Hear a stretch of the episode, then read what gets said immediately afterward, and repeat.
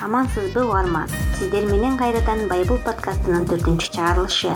Бул чыгарылышта өз кесиби зоотехник союз учурунда уй ферма болуп кызмат өтөгөн. Учурда кулан агайына сүт жана эт багытындагы уйларды алып келип өстүрүп жаткан адыл кыдыралиев менен маектешебиз маектешкен мен айзат түмөнбаева байбул подкасттарынын автору. Биздин уй чарбасы юстициядан каттоодон өткөн печать алынган толук кандуу дыйкан адыл ата дыйкан чарба фермердик чарба болуп каттоодон өткөнбүз биздин бүгүнкү каарман учурдун талабы сан эмес. Сапатка өтүү керектигин баса белгилеп уйду гана өстүрбөстөн үчтүлүк малды да асылдандыруу үчүн болгон күч кубатын жумшап жатканын айтты. Сөзүбүз супсак болбош үчүн бүгүнкү чыгарылыштын коногу менен болгон маекти сунуштайт. Мындан бери айыл чарбасында иштеп жүргөм кесибим зоотехник союз тараганга зоотехник болуп иштедим кой ферма болуп иштедим уй ферма болуп чарбада иштеп жүрдүм. Дыйкан дыйкан чарбасына тарагандан кийин жеке чарба менен алектенип бала бакырам менен ушул малдын артында эмгек кылып келатабыз ушул малдын үзүрүүн көрүп жашообуз ушул мал менен өтүп атат. Биринекин өзүбүздүн чарба жеке чарбабыз бар. Чарбабыздын ичинде уй чарбасы бар майда жандык койлорубуз бар жылкыбыз бар дегендей эртетеи анан ушул уй чарбасына басымдуулук кылып сүт азыктары бул түбөлүктүү нерсе экен. Анан бул сүт азыктарын жоюлуп кетпейт экен. Анан келечектүү болсун деп ушул уй азык сүт багытында уйларды өстүрүүгө аракет кылып атабыз уй багытына эт багытындагы уй чарбасын уюштуралы деп аракет кылганыбызга үч жылдын чамасы болуп калды. Огородубузга сарай салганбыз. Узуну бир элүү метр туурасы он метр кылып уй где то ошол сарайдын ичине сексен башка чукул уй атат. Азыр ошол уйларды өнүктүрүү үчүн чүйдөн эт багытындагы уйлардан бир он чакты уй сатып келгенбиз. Өзүбүздүн местный уйларыбыз бар. Анан азыр ошол уйлар менен асылдуулугун өндүрөлү көбөйтөлү асылдуулугун жогорулаталы деп. Букасын да сатып келгенбиз ошол букалар аркылуу төлү түшүп атат. Көбөйүп калды. Чүйдөн алып келдим деп атпайсызбы ошо биздин шаба райына шартка ылайыктуу эле бекен биздин шартка ылайыктуу эле илгертеден эле тиги кулан ак айылында сүт товар фермасы бар болчу. Уй сүт багытында ошондо деле сатылып келинген уйлар ушундай эле багылчу ошого шартка көнөт. Мен өзүм көзүм жеткен үчүн ушул уйларды сатып келгем. Сиз уйларды сатып келдим деп атасыз демек асыл тукум уй болгондон кийин булардын биздин өзүбүздүн кыргыз уйлардан менен бул уйлардын баасы кандай айырмада? Экөөнүн айырмасы эми бир топ эле жогору турат. Асыл тукум бул чүйдөн алынып келген породалуу уйлар булардын баасы жетимиш сексен миңден жүз жыйырма жүз отуз миңге чейин турат. Бир баш уй. Бир баш уй. Учурда биздин кыргыз уйлардын баасычы? Биздин кыргыз уйлардын баасы ашып кеткени элүү миң кырк беш миң андан кийинкиси отуз миң эле да. Сиз ошо жүз жыйырма миң сексен миңге сатып алган уйду кайра жүз жыйырма миң сомго сата аласызбы? Кайра жакшылап багып эттендирип сатса болот. Бирок анчалыкка жете албайт болуш керек. Жетпесе дагы бир жүз миң тегерегине барышы мүмкүн. Бирок сатып көрө элекпиз сатып алгандан кийин сатыш азыр. Жете элекпиз сатканга. Бирок ошо сиз кайра саткычакта азыр мындай бизде мисалы сиз сүт багытында анан эт багытына басым жасап атасыз да. Биздин өзүбүздүн азыр учурда бир литр сүт жыйырма сом болуш керек да. Ошондой эле болуп атат. Э, жыйырма сом анан бир литр эме бир уй канча литр сүт бере алат? Эми тойтко жараша болот. Уйдун тили сүтү тилинде дейт. Уйга жакшы тойт берип жакшы бакса уй жакшы эле берет. Э, бул эми э, сатылып келген уйларга жакшы тойт берсе берет жыйырмадан кемитпей берет. Бир уй. Күнү бир уй күнүнө жыйырмадан кемитпей берет. Эми бизде андай шарт жок. Анчалык уйду тойт менен камсыздандыра албайбыз. Менде болгон эки гектар жетимиш соток жер бар. Ал эки жетимиш соток жерден мынча уй эмес башкасын бакканга да мүмкүнчүлүк жок. Тойту болсо жалаң сатып алабыз. Жылына беш миң пресс жөп сатып алам. Жыям мен. Беш миң пресстин төрт миңин сатып алам. Кырк тонна жем жыябыз чогултабыз. Кырк тоннанын бери болгондо отуз беш тоннасын сатып келем. Мына көчөгүнү эле эки жарым тонна жемгелди чүйдөн сатып келдик а сиз анан өзүн ушу актайт деп ушуга басым жасап атасыз да анын актап атабы мисалы азыр чыгымдарын айтып келатасыз жегенин чөбүн эми үнүмдүк жашоого жарайт өзүн актабаса дагы эми муну асылдандырып толук кандуу асыл тукумга жеткен кезде актайт бул актайт актабай койбойт. Актайт бул.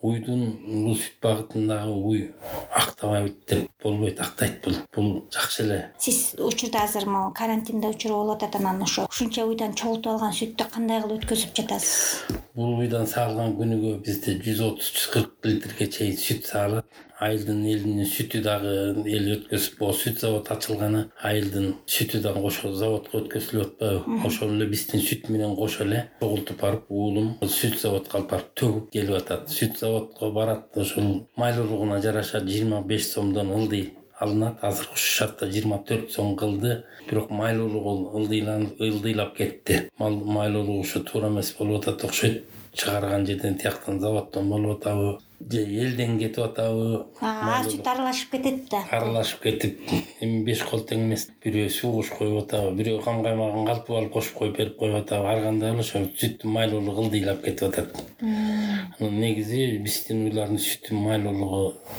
төрт бүтүн ондон экиден үч сегиз тең түшпөш керек эле мамлекеттик стандарт боюнча сүттүн майлуулугу үч бүтүн ондон төрт болсун деп жогорку советтен токтом чыккан баары. Азыр бул сүт завод сүттүн майлуулугунун стандартын үч бүтүн ондон алтыга чыгарып алыптыр. Ошонусу дагы туура эмес болуп атат. Анан негизи ушул сүт өткөзүүдө ошол лабораторияга бул акимчиликтенби же облустук администрацияданбы бир ветеринарный лаборант кошуп берип ошо сүттүн майлуулугун текшергенге катышып комиссия болуп. Берип туура неме кылып берип турса болмок болбосо элдин эмгеги желип атат чынында. Мында мен деле беш алты жыл үй ферма болуп иштедим үч бүтүн ондон сегиз үч бүтүн ондон алтыдан жайында түшпөгөн сүт. Азыр эки бүтүн ондон сегиз эки бүтүн ондон тогузга түшүп калып атат. Азыр наоборот майлуу болуш керек беле. Азыр кыштын күнү сүт деген майлуу болот да. Күздөн баштап чөп катып чөп бышкан кезден баштап сүттүн майлуулугу жогорулайт. Өзү азайган менен майлуулугу жогору болот. Кою сүт болот. Кою сүт болот. Ошол майлуулук жогору болгон сайын сүттүн салмагы кошулат да. Жана үч бүтүн ондон төрт болуп атпайбы а тиги биздин сүт төрт бүтүн болгондо экөөнүн ортосундагы разницага физический салмак сүт кошулат.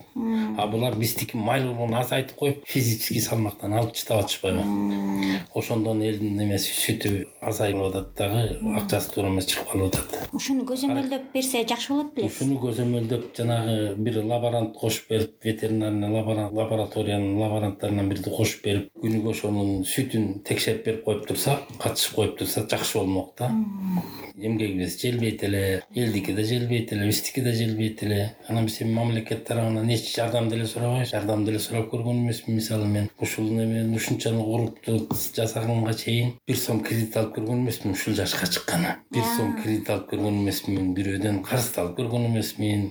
Өзүбүздүн эле малдын эсебинен ушуну жасап келатабыз. Буюрса дагы аракет кылабыз муну жасаганга. Сиз могу асыл тукум деп атпайсызбы? Ошо асыл тукумга дагы мындай малды э, аябай таза кармаш керек э, дарылаш керек деген жерлери бар да. Анан ошолорду кандай көзөмөлдөп эми бул менин өзүмдүн кесибим зоотехник мурунтадан эле чарбада иштеп жүргөндө мен бул ветеринарный немени тазалыкты дарылоону вакцина жасаганды тиги буларын өзүм билем мен.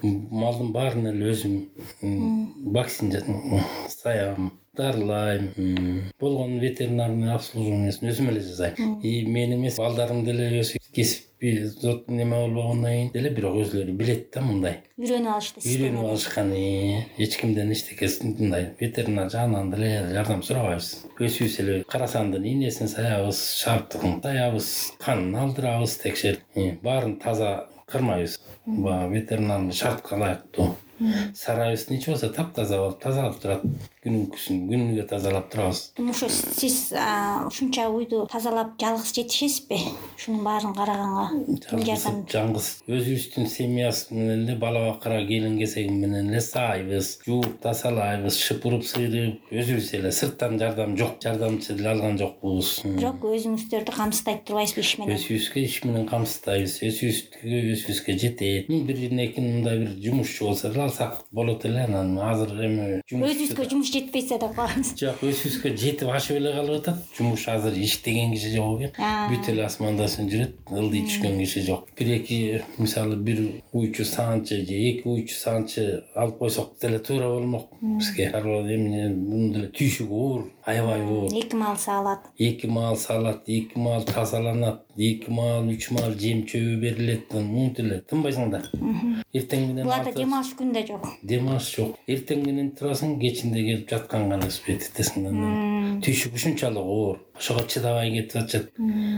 Бекерчиликке көнүп калып анан элде мындай жумуш түйшүк тартпаганга кыйын эле экен да. Бекерге көнүп алган бекер сиз ошо тааш өзүбүз эле сайыстап атпайсызбы анан ошо канча киши уйсайт саанчыдан. Саанчыдан кээде экөө саап калат кээде үчөө саап калат кээде төртөө саап калат. Өзүңүз да саап көрдүңүз беле мен өзүм өмүр уй саап көргөн эмесмин уй саап мен уй саап көргөн а эмесмин уулдарыңызчы уулдарым келиндерим кыздарым баары эле саайт бул жерде саалбаган эле менмин бирок сиз уюштуруп бересиз да? Ооба уюштуруп берген эми уюштуруп берем. Балдарым да эми чоңойду. Баарын түшүндү көздөрү жетти. Кичинесинен баштап эле ушунун артында келе атышат эми бул көнүмүш эле болуп калды да баары сиз азыр ошо. Баягы балдарым бала бала кезинен эле деп калдыңыз ошо. Балдарыңыз да ар тармактуу кесиптин ээлери болгону менен э мал менен. Ооба ар бири ар кайсы кесиптин ээлери анан мугалими бар бизде жолчусу бар милициясы бар дегендей дүкөнчүсү бар. Мында малдын ээси эле мен элемин анан рабочий окубаган жанагы кичи уулум кайрат. Ошол эле экөөбүз башкасы бүт эле билимдүү анан. Бирок малчыбыз баарыбыз тең эле. Ооба бирок малга деле менимче жана эме касапчы малды деле касапчы сойсун деп коет бөдөнө болсо болсо деле касапчы сойсун дейт ошон үчүн сиздин баягы өзүңүздүн билимиңиз бар үчүн анан ушунча жол ачып ушунча кылып атасыз да же болбосо баары эле кыргыз мал менен же болбосо мындай сапатка сандан азыр сапатка өткөн мезгил болуп атпайбы анан ушу сапатка көңүл бурганыңыздын себеби эмнеде болуп калды башта? Кичинекей малды деле багып жүрөсүң ошол кыймылды кыласың ошол тойту бересиң. Анын асылдуу асыл тиги пайдасы азыраак болуп атпайбы и тиги мал деле ошондой болуп атат ошону багасың ал көбүрөөк продукция берип атат.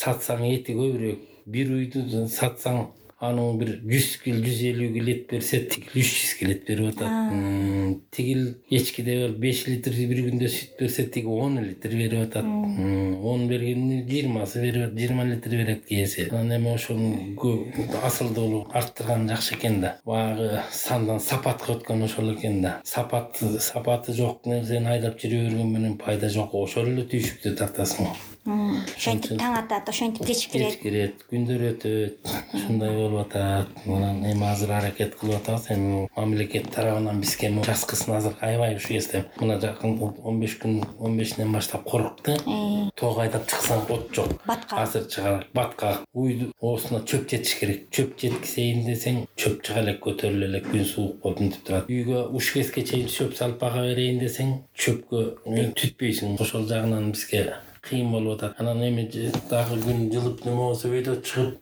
жайытка чыгыш жастоого чыгыш керек уй деген. Ошо жастоого чыкканга бизге жайыт жок орун да жок. Илгери колхоздун уюн мына ушул баштан баштап сары жагачка көчүрүп барып ошол жактан жайыттан оттоп келип анан салчу биздики мына азыр колдо карап чөп салып багып ошондой маселеси чечилбей атат. Анан бир арендага да бирке жер берсе бир он гектар жер берсе чөптү толуктап дайындап алсак анан чөп өсүп эме болгуча колго кармап турсак жакшы болот эле. Биздин айыл өкмөткө ошо кайрылдыңызбы? Ошондой. Айыл өкмөткө да кайрылдым. Губернаторлор келди акимдер келди. Райондун облустун чоңдору бүт келип кетишкен баягы күнү алар ошо көрүп ушул маселени койгом койсом жардам бергиле маселени чечип бергиле деген жастоосун чечип бергиле деген. Андан бери карантин болуп алар деле өстүп баш аягын жый албай атышат чечип беребиз деп убада кылышты анан көп жылдан бери эле чечиле элек бирок убада көп да. Анан качан чечилет эмне болот билбейм. Бирөөгө чечип бербейсиң деп догурунуш деле кыйын экен анан колубуздан келген жашоону өзүбүз үчүн жашап аткандан кийин багабыз да. Анан мамлекетке болсо жайыт эмесин төгөбүз. Налогун болгонун бүт төгүп беребиз. Карызыбыз жок. Төгүп бер деп суратпай эле төгүп берем барып болгону. Азыр бир жыйырмадай уй салып атат. Мындай калгандары төлдөп атат байганы болот төлдөп атат иш ордун жылыштырып тура турбайсызбы ооба баарын салбай жылышып турат да. Анан дагы ошондо сиз төрт мезгил тең сайсызбы төрт мезгил тең саалат. Э, төрт мезгилде тең саалат. Анан ошо жайында баасы түшүп калабы эми быйыл биринчи эле жыл болуп атат. Жанагындай тартип менен тиги масло завод сүттүн майлуулугун ылдый түшүрүп атса түшөт анда айласы жок айла жок калат анда биз сүт убытык болуп калат да? Анда убутык болуп калат убутык болгуча биз анда жа- жайлоого баргандан кийин май тартып эле сүзмөсүн өткөзүп май тартабыз го сары кылып эле. Мындай болгондо чоо жактан тартып келиш үчүн жүз жүз жыйырма километрге барып келгенге эки жүз кырк километр бир күндө. Анан сүтүбүздүн майлуу тигиндей болуп өзүн актабай кала турган болгон шартта тартпайбыз да. Ооба. Тартпай эле май куюп сүзмөсүн ат башынын базарына өткөзүп келгенбиз мурун быйыл биринчи жолу жайкысын болуп атат анан кандай болот көрөбүз го кышкысын эми болуп атты эми кудайга шүгүр жакшы эле болуп атты өсүмдүк анан актап атты чайчамайбызга тиги бунуска кенени эле жетип атат жакшы эле. Тоодон эгер ушундай актабай сүттүн майлуулугу аз болуп сүттүн баасы он беш сомго литри түшүп кеткен болсо тартпайбыз. Тотобуз анда кереги жок. он беш сом болсо бербейсиз. азыр он тогуз сомго түшүп калды. Анан он тогуз сомдо эми азыр тарткан жокпуз мейли деп жакыныраак жер болуп тартып атабыз. Анан тияк жака чыккан шартта тартпай калабыз эгер мындай болчу болсо төгүлбөй эле калат. Ошо сиз бир күндө канча литрин берип атасыз? Жылына ошо эсептеп көрдүңүзбү жылына эми биздики жыл то- масло заводко төккөнүбүзгө жыл боло элек да. Биздикине ашып кетсе алты ай эле болду. Ну алты ай болсо бир алты тонна жети тонна сүт төккөндүрбүз бир айда бир тонна төгүш. Бул деле чоң күч көйүнчө эмгек керек го. Бир тоннага чукулдап бир тоннага жетпеш сегиз жүз тогуз жүз ушунун тегерегинде болот. Мен азыр учурда сиз бир жыйырма литр сүт алам десаңыз мен айтып мен ойлонуп атам да мен төрт үй сайын бир чака сүт араң көтөрүп келем да. Ошону дагы үй депчи. Азыр ошо сиз уйлар колго салабы же жанагындай колго эле саап атабыз. Колго эле саап атабыз. Эми баягы аппарат менен сааш үчүн уйдун эмчеги да стандарттуураак болуш керек да. Уйдун эмчектери мындай кичинекейи бар чоңу бар анан баарына туура келбейт ошон үчүн аппаратты коюп эле кол менен саап атабыз да анан аппаратты эми бир аппарат алып койсо болот бир аппарат алып коюп баягы Чоңдоруна. чоңдоруна саап коюп анан майдаларын эмчек менен эмчеги кыска кичирээктерин үлпү кичирээктерлерин кол менен сааганга туура келет. Анан эми кичинекей уйду жыйырма уйду жөн эле илгери жыйырма беш уйду бир эле саамчы саап койчу. Анан ушунча алыс жүрүп эми жыйырма уйду сая албайм эмне болду деп мен балдарга нагрузка кылып эле коюп атам аны э, бирок ошол аппарат менен деп атпайсызбы ошо аппаратка наоборот эл башка жакта качып атышыптыр да. Себеби эмчекирээк болот деген бар экен ток мененчи анан эгер сизде э, эгер ошол чын болсо эме болсо сиз аппараттан баш тартат белеңиз негизи аппарат менен сааганга мен. Өсүмдөр алты жыл уй ферма болуп иштедим. Аппарат менен саачу саанчылар. Ошого деле мен алымсынбайм бирок саанчы өсү деле алымсынбайт бугачы аппарат менен саагандан кийин деле э, саанчылар аппаратты э, алып коюп туруп кайра эмчекти шыпкаган күндөрү болот болчу кийин саанчылар деле ушул өзүнүн эле алымсынбай койду. Бир чети ручной баягы айлыгы да жакшы чыгат эми аппаратты жойдуруп салышты. Силер айтып эле сабай эле коелучу кол менен сал чала салып калып атат мынтип атат тинтип атат деген шылтоолор мен деле ошол аппаратты мен жоюп салгам анан бирок кол менен сааган немелүү болот пайдасы көп да. Кол менен саагандын көбүрөөк саалат аппараттай эмес. Саап аткан кишиге да физзарядка болот керек. Физзарядка деле болот физзарядкадан деле кол менен жасалган нерсе жакшы болот да өндүрүмдүү болот. Аппаратка караганда. Азыр сиз ошо кол менен саалатып атасыз уйга басым жасап асыл тукумга басым жасап атасыз дагы ушул уйдан бөлөк кайсы малга мындай мал жандыгына нарынын шартында кайсы малга менде азыр кой бар жылкы бар үч түлүк мал бар да менде. Эми ошонун баарынын асылдуулугун жогорулатайын деп аракет кылып атам. Уй болсо уй мындай немеси менен калды Э, буюрса быйылкы былтыркы түшкөн кунажындары э, бука торпоктору ошо жакшы торпоктор болуп калды. Быйыл чоң чоң сөөктүү Э, эл деле алып келип уйларын букадан чыгарып кетип атат. Сатып алса менде деле мына азыр ай букалар бар. Чоң чоң эле болуп калды калтогон калды. Анан андан сырткары жылкы жылкынын деле айгырларын алмаштырдым. Былтыр алмаштыргам. Быйыл кулундары чоң чоң эле жакшы жакшы түшүп атат быйыл. Жаңы баштады. Бир он чакты бие тууду кулундары жакшы сөөктүү сөөк а болсо жылкынын тукумун кайдан алып келдиңиз? Жылкынын тукуму өзүбүздүн эле местный жылкы. Анан айгырын гана котордум чүйдөн алып келгем. Таза кандуу айгыр кошком ошонун эле немеси улундары быйылдан башталды. Кой койча кой бар өзүбүздө дагы? Ошол койлордун дагы асылдуулугун жогорулатайын деп мен уяң жүндүү койду алып жүргөм бир эки жүздөй э, кыргыз гисар аралаш кой бар. Аларды дагы асылдуулугун жогорулатайын деп быйыл эделбай кочкор сатып келдим эки эки кочкор сатып келдим.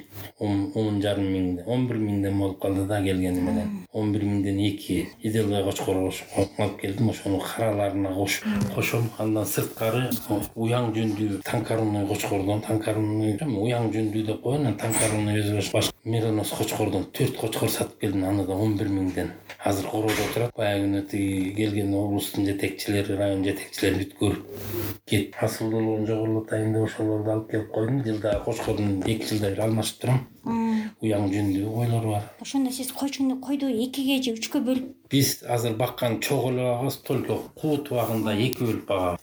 Карасын өзүнчө агын өзүнчө багабыз кылчык уяң кылчык жүндүү мындай кара немелерди бөлөк багабыз дагы уяң жүндүүнү өзүнчө кошобуз эки бөлөк багылат ушунун баарына жардамдашкан бул ким? Жалгыз жетишесизби? Жардамдашканы өзүмдүн эле семьям өзүбүз бөлүнүп бөлүнүп эле багабыз. Бирөө ууй бирөө кой бирөөбүз уйду бирөөбүз койду. Мындан кичүү баламдын кайниси алмамбет деген бала ошол жардам берип жүрөт койго кышкысын үч төрт жылдан бери ошол бала багып анан уйду жылкыны койду жылкыны ошол багып жүрөт кышкысын жайкысын өзүбүз багабыз анткени балдар каникулга тарайт келиндер отпускага чыгат дегенде иштегенибиз бар иштебегенибиз өзүбүз эле жетишип багып жүрөбүз азыр сиз мисалы мал чарбасында эс алуу жок да билгенде себеби эм алыш деген мал билбейт да. Анан ошо сиз эс аласыз бала чакаңыз менен эми эс алуу биздики жайдын күнү эс алуудай эле болот. Баягыдай түйшүк жок. Малды болсо бир күнү бирөөбүз карасак бирөөбүз бошпуз. Бирөө бир ай кайтарса бирөө бир ай боштондой эле эс алабыз. Эми биздики эс алуу эле. Мындай эсептегенде эс алуу деп эле эсептейм үйүбүз конторубуздун үйүбүз болгон жери баардык ишибиз дагы үйүбүз биздики эс алуу эле да. Э, жайлоо. жайлоодо таза аба таза абада жакшы эле биз курорттой эле жашап атабыз. Кудайга шүгүр жакшы эле баары анан ушул жаштарга э, кайрылып кетсеңиз мисалы бул жалаң ак эмгектин аркасында да анан ушу жаштарга кандай кайрылат элеңиз жаштар эми азыр жалкоо болбош керек. Эмгек кылса үзүрүн көрөт. Анан бул эмгектин үзүрүн көрүш үчүн мындай чартка жетиш үчүн көп эмгек кылат мына мен киченемден ушул эле артынан келатам ошентип отуруп араң ушуга жетип анан сразу эле баштаганда эле үзүрүн көргөзүп же болбосо кочуштаган түшүп болуп кетпейт. Ал үчүн эмгек кылыш керек эринбеш керек чарчабаш керек талыкпаш керек. Конечно ден соолукту да караш керек. Ошонун баарын максат кылып коюп анан жашоодо тырышчаак болуш керек көк болуш керек. Анан ошондо ошонун үзүрүн көрүп көрөт алдына койгон максатты жеңем деген аракетти кылыш керек да кудайдан тилеш башка эч неме жок. Азыр ден соолук деп кеттиңиз анан ушул малдын мал багууда мындай адамга ден соолукка мындай тийгизген таасири болобу же болбойбу?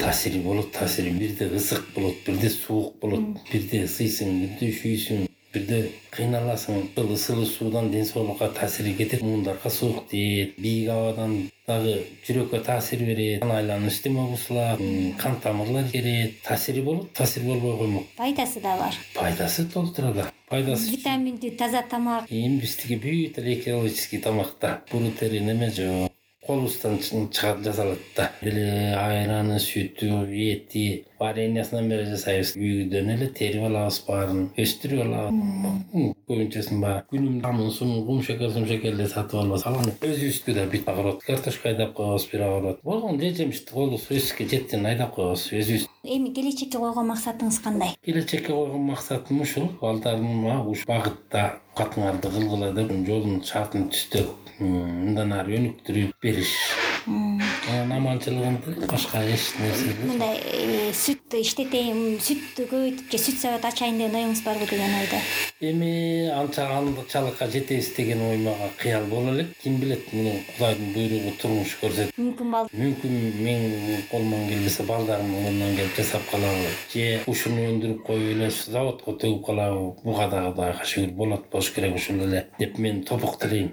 Көп дүйнөнү деле дүйнөнүн түбүнө эч ким жетпейт ушуга деле шүгүр эч кол тең эмес. Жашоого ырас эледен кудайга шүгүр деш керек. Анан кудай таала эмгектин үзүңүздү дагы жылдырса турмуш көрсөтөт. Турмуш деген убакыт деген дароо нерсе да. Убакытка жараша болот. Кандай болот? Эми менин оюм ушуну эле өнүктүрүп жүрүп отуруш анан. Кийин эмне болот билбейм. Чоң рахмат маегиңиз анан да бир нерсе сурап кетейин. Ушу карантин учуру сиздин мисалы бизнеске тоскоолдук кылдыбы? Карантин бизге тоскоолдук кылган жок мамлекет тарабынан жол ачык сүтүбүздү төгүп атабыз коютубуз келип атат жем жемиш сатылып келинип атат көчү конууга деле эч алакасы тийген жок бизге. Демек мал чарбасына э, эч залакасы тийген жок жакшынакай эле түзүп берди. шарттар түзүп берди. Мамлекеттин койгон шартын биз да толук аткарып кандай талап койсо ошону аткарып атабыз. Карантинден тартып эле бизге эч немеси илинген жок элебиз чоң рахмат маегиңизге ишиңизге ийгилик бул подкаст сорус кыргызстан фондунун колдоосу менен даярдалган айтылган ой пикирлер сорус кыргызстан фондунун көз карашын билдирбейт. Подкасттын автору айзат түмөнбаева конак жамааттык мультимедиа борборунун жетекчиси. Сорос кыргызстан фонду каржылаган подкастты кантип даярдоо керек аталыштагы тренингден билим алган соң байбол аталыштагы подкастты даярдоо үчүн сорос кыргызстан фондунан колдоо алган. Подкасттар жумасына бир жолу чыгарылып турат кубанак жамааттык мультимедиа борборунун жетекчиси айзат түмөнбаева даярдайт ар бир чыгарылышта ар башка өнөр ээлеринин эмгектери менен тааныштырат